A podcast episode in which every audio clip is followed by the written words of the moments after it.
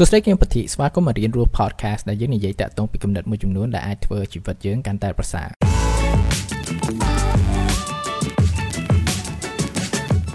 យើងទាំងអស់គ្នាប្រកាសជាដឹងឯការពីដើមដែលថាអត់មានអាវុធសាហាវសាហាវដូចកភ្លើងដូចកបែកដូចអីចឹងទៅមនុស្សម្នាដើម្បីការពារខ្លួនហើយនឹងការពារដូចថាប្រទេសជាតិអីចឹងពួកគាត់ហាត់ដូចថាហាត់គុណហាត់អីមួយដើម្បីវាយតបទៅលើសត្រូវឬក៏ការពារខ្លួនហ្នឹង ប៉ុន្តែបើយើងមើលនៅក្នុងសម័យនេះសម័យមួយដែលថាវាមានសន្តិភាពជាងមុនតើវាចាំបាច់ឬអត់ដែលថាយើងចេះឬក៏រៀនតាក់ទងពីក្បាច់គុណទាំងអស់ហ្នឹងនៅក្នុងឆ្នាំនេះដែរតាក់ទងពីក្បាច់គុណឬក៏គេហៅ martial art ហ្នឹងគឺជា interest មួយដែលថាខ្ញុំ explore ហើយពេលខ្ញុំ explore ទៅខ្ញុំចាប់ផ្ដើម enjoy កាន់តែច្រើនទៅច្រើនទៅហើយការហាត់របស់ខ្ញុំនោះវាមានរួមដូចជា capoeira គឺជាក្បាច់គុណមួយរបស់ Brazil ដែលវា involve ទៅលើ acrobatic movement ជាច្រើនហើយនឹងការទាត់នឹងការអីគឺថា ក្លាប់ខ្លួនប៉ាហ៊ីអីហ្នឹងហើយមួយទៀតគឺថាអ្វីដែលខ្ញុំចាប់ផ្ដើមបានប្រហែលជាប្រហែលទឹកដែរហ្នឹងគេហៅបុកតោ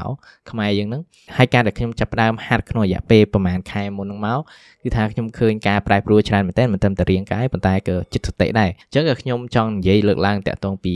រឿងហ្នឹងព្រោះជាធម្មតាពេលដែលយើងនិយាយតាក់ទងពីក្បាច់គុណអញ្ចឹងវាអាចគិតថាអូត្រូវការទៅអីមិនមែនជាសម័យមួយដែលថាយើងត្រូវវាយគ្នាឬក៏ការពីខ្លួនអីទេអញ្ចឹងសំណួរខ្ញុំគឺថាតើវាអាចមានតម្លៃខ្លះតាក់ទងពីក្បាច់គុណនៅក្នុងសពថ្ងៃនេះហើយនេះគឺទៅតាមការដកស្រង់និងការយកឃើញតាក់ទងពីបទសោតរបស់ខ្ញុំទីមួយគឺថាយើងអាចដឹងបានតាក់ទងពីថេរភាពនៃសន្តិភាពហ្នឹង ព្រោះថាប្រទេសមួយឬក៏ពិភពលោកមួយដែលមានសន្តិភាពมันប្រកាសថាមានរហូតទេត្រូវគឺអាចមានការប្រែប្រួលហើយមួយទៀតគឺថាយើងអាចដឹងតាក់ទងពីអក្រិតកម្មឬក៏បញ្ហាផ្សេងៗក្នុងសង្គមដែលអាចកើតមានហ្នឹងព្រោះទាំងអស់ហ្នឹងក៏អាចមានភាគរយមកកើតទៅលើយើងនៃការដែលកើតមកលើយើងហ្នឹងយ៉ាងណាក៏យើងអាចចេះការពារខ្លួនដែរនេះមិនមានន័យថាអូខេឲ្យតែមានបញ្ហាមកគឺថាយើងវាយសម្រុកទៅគេប៉ុន្តែវាដូចជា advice មួយរបស់ Navy SEAL របស់អាមេរិកមួយឈ្មោះ Jocko Willing គាត់និយាយថាការដែលដើរតាមផ្លូវគេរកវាយយើង បើបានគឺរត់រត់ហ្នឹងគឺជាជំរើសទី1យើងកុំនាំរឿងយើងកុំទៅវាយតប់អីជាមួយគេបើរត់បានដែលអត់មានការ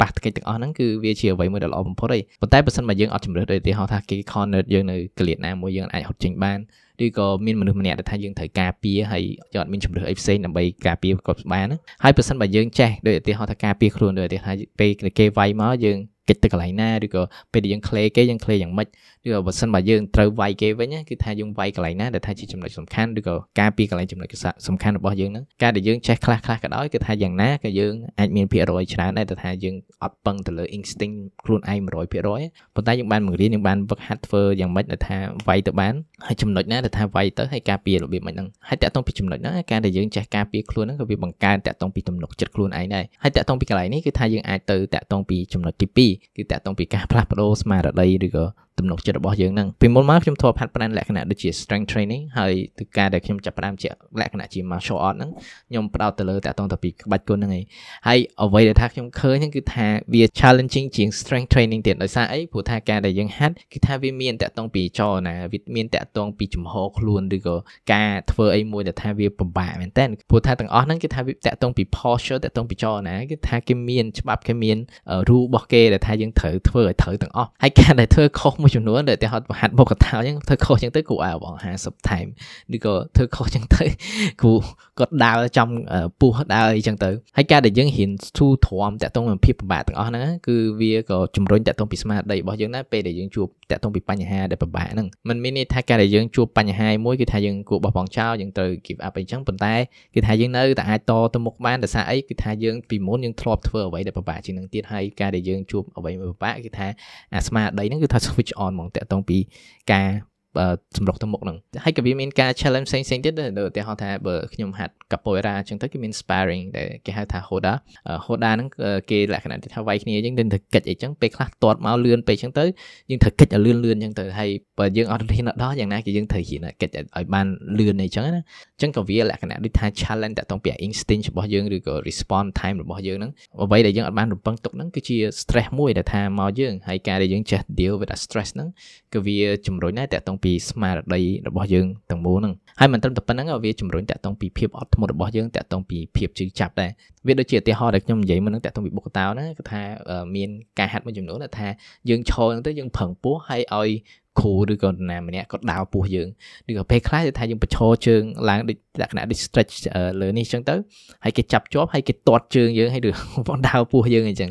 ហើយពេលហ្នឹងគឺថាយើងចាប់ផ្ដើមរៀនតាក់ទងពី be tolerant ហើយជាមួយយើងចាប់ផ្ដើមចេះទទួលយកនិងទទួលស្គាល់តាក់ទងពីការពិតដូចថារៀង ចេះ submit ឬក៏ដឹងថាពេលណាដែលថាយើងត្រូវចោះចាញ់ព្រោះថាពេលខ្លះគឺថាមកពីអារម្មណ៍នៃ ego របស់យើងគឺយើងគិតថាយើងចេះចង់យកឈ្នះចង់យកឈ្នះចង់យកឈ្នះរហូតប៉ុន្តែយើងមិនមានន័យថាយើងឈ្នះហើយយកចេះចាញ់ប៉ុន្តែយើងត្រូវចេះដឹងថាពេលណាដែលថាយើងគួរ give up ដែរដោយសារហេតុអីពេលខ្លះគឺថាយើងចង់ឈ្នះប៉ុន្តែឈ្នះទៅលើអ្វីដែលថាវាមិនគួរឈ្នះទៅលើហើយវាមានកត្តានៅក្នុងជីវិតមួយចំនួនដែលថាយើងគួរតែបោះបង់ចោលយើងគួរតែ give up បើសិនបើអ្វីដែលយើងចង់យកឈ្នះហ្នឹងមិនមាន នៃសម្រាប់ជីវិតរបស់យើងហ្នឹងអញ្ចឹងបើសិនបើដល់ពេលហាត់មួយដែលថាគ្រូគាត់ឲ្យយើងត្រូវផឹងហើយយើងត្រូវវាយយើងមានតែត្រូវទ្រាំហើយឲ្យគាត់វាយអញ្ចឹងដល់អញ្ចឹងទៅក៏វាថាវាធ្វើឲ្យយើងមានភាពស្មដែរហើយមួយទៀតគឺថាបើសិនបើយើងជួបបញ្ហា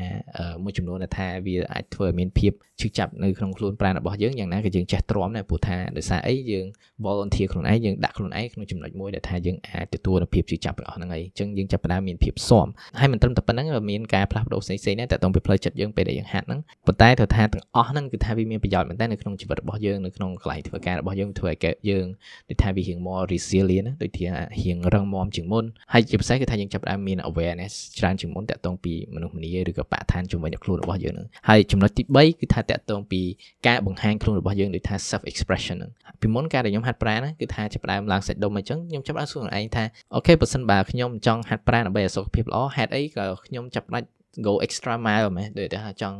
បានសិទ្ធិប៉ុណ្ណេះអីចឹងអីចឹងប៉ុន្តែការដែលខ្ញុំចាប់ផ្ដើមហាត់ដូចថាក្បាច់គុណឬក៏ martial art គឺវាធ្វើឲ្យខ្ញុំចាប់ផ្ដើមផ្លាស់ប្ដូរការគិតតាក់ទងពី health and fitness របស់ខ្ញុំហ្នឹងអានេះដូចឧទាហរណ៍ការហាត់របស់ខ្ញុំនៃ capoeira របស់ Brazil ហ្នឹងគឺថាខ្ញុំចាប់ផ្ដើមគិតថាខ្លួនប្រាណខ្ញុំគឺមិនត្រឹមតែត្រូវការតែសាច់ដុំប៉ុន្តែខ្ញុំក៏ត្រូវការតាក់ទងពី flexibility ខ្ញុំក៏ត្រូវការតាក់ទងពី balance ហើយ coordination ឬក៏ power ផ្សេងផ្សេងអីចឹងហើយការដែលខ្ញុំគិតចឹងទៅគឺថាខ្ញុំចាប់ផ្ដើមមើលតាក់ទងពី fitness របស់ខ្ញុំគឺថាខុសពីមុនតើតម្រូវការរបស់ខ្ញុំយ៉ាងម៉េចដើម្បីខ្ញុំ express ខ្លួនឯងបានហើយអ្វីដែលខ្ញុំចូលចិត្តមែនតើនៅក្នុង capoeira ហ្នឹងគឺថាវាដូចលេងចឹងគឺថាពេល device គេមិនហៅថា sparring ឬក៏ការប្រកួតអីប៉ុន្តែគេហៅដូច game គឺថាការលេង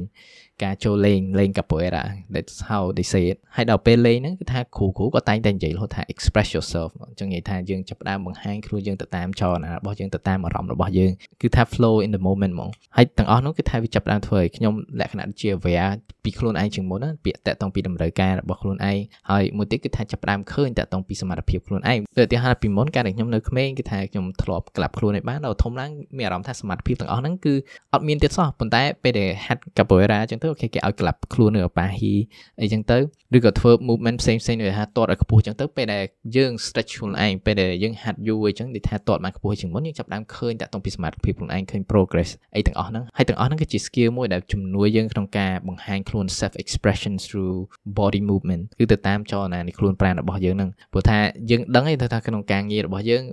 បើយើងចង់ express ខ្លួនឯងគឺថាទៅតាមការងាររបស់យើងអាហ្នឹងគឺថាទៅតាមចិត្តរបស់យើងត្រូវទៅតាមផ្លូវចិត្តទៅតាម intelligence ទៅតាម mind របស់យើងប៉ុន្តែបើតាមខ្លួនប្រាណរបស់យើងតើយើងបង្ហាញខ្លួនយ៉ាងម៉េចត្រូ វវាហាក់បីដូចជាការរំចឹងដែរគឺជាការបង្ហាញខ្លួនយើងទៅតាមចលនាខ្លួនប្រាណរបស់យើងហ្នឹងហើយក្នុងការហាត់ក្បាច់គុណមួយមួយគេថាវាមានលក្ខណៈដូចថាទ្រឹស្ដីផ្សេងផ្សេងគ្នាឬក៏ការយល់ដឹងផ្សេងផ្សេងគ្នាហើយទាំងអស់ហ្នឹងក៏ជាដូចថាជា tool មួយដែលយើងអាចយកមកដើម្បី discover ខ្លួនយើងដែរដូចថា capoeira ដូចលក្ខណៈដូចការលេងចំពោះខ្ញុំគឺថាវា connect ខ្លួនខ្ញុំជាមួយនឹងខ្លួនខ្ញុំការដែលខ្ញុំនៅតូចមែនតើហើយបុគ្គតាវិញដូចលក្ខណៈថាលក្ខណៈប្រយុទ្ធហ្មងដូចថា ចូលទៅហាត់ចឹងទៅគឺថាឃើញអ្នកហាត់ច្រើនមែនទេគឺថាគាត់សែកខ្លាំងខ្លាំងសែកលឺលឺអីចឹងហើយចលនានៃការហាត់ដូចជាចំហឬក៏ការវាយការតតអីហ្នឹងក៏វា get inspiration ពីធម្មជាតិដែរដូចថាមានចំហមួយគេហៅចំហទាចំហនៀកចំហសេះអីចឹងទៅណាហើយដូចឧទាហរណ៍ Aikido ទៅថាខ្ញុំចង់ explore មួយដែរចឹងណាតាក់ទងពី non violent ចឹងទៅដូចថាយើងវាយដែលអត់វាយគ្នាហើយទ្រឹស្ដីទាំងអស់ហ្នឹងគឺជាអ្វីមួយដែលថាវាជួយបង្រៀនយើងខ្លះហើយ ជាពិសេសគឺថាយើងចាប់ផ្ដើមរៀនយល់ដឹងពីខ្លួនយើងទៅតាមអ្វីដែលថាយើងធ្វើហ្នឹងអញ្ចឹងថ្ងៃនេះគឺតែប៉ុណ្្នឹងតកតងពីការចែកម្លែកពីបទពិសោធន៍និងការយល់ដឹងមួយចំនួនតកតងពីការហាត់របស់ខ្ញុំអឺប្រហែលខែហ្នឹងខ្ញុំនៅថ្មីនៅឡើយទេអញ្ចឹងវាមានអ្វីច្រើនទៀតដែលថាខ្ញុំត្រូវយល់ដឹង ពីលើបន្ថែមហើយខ្ញុំរីករាយមែនតើក្នុងការស្វែងយកបន្ថែមតាក់ទងពីសិល្បៈទាំងអស់ហ្នឹងហើយបើមាន progress បន្តទៀតខ្ញុំនឹងចែកម្លែកទៅមុខទៀតអញ្ចឹងអរគុណមែនតើក្នុងការស្ដាប់ថ្ងៃនេះហើយមកទៀតបើសិនមករៀនរស់ podcast ជាអ្វីមួយដែលមានតម្លៃសម្រាប់អ្នកអ្នកអាច support podcast នេះនៅក្នុង Patreon community របស់ខ្ញុំបាននៅក្នុង patreon.com/monipatili អញ្ចឹងចាំជួបគ្នាថ្ងៃក្រោយក្នុងអំឡុងពេលនេះអភិវឌ្ឍខ្លួនជានិច្ច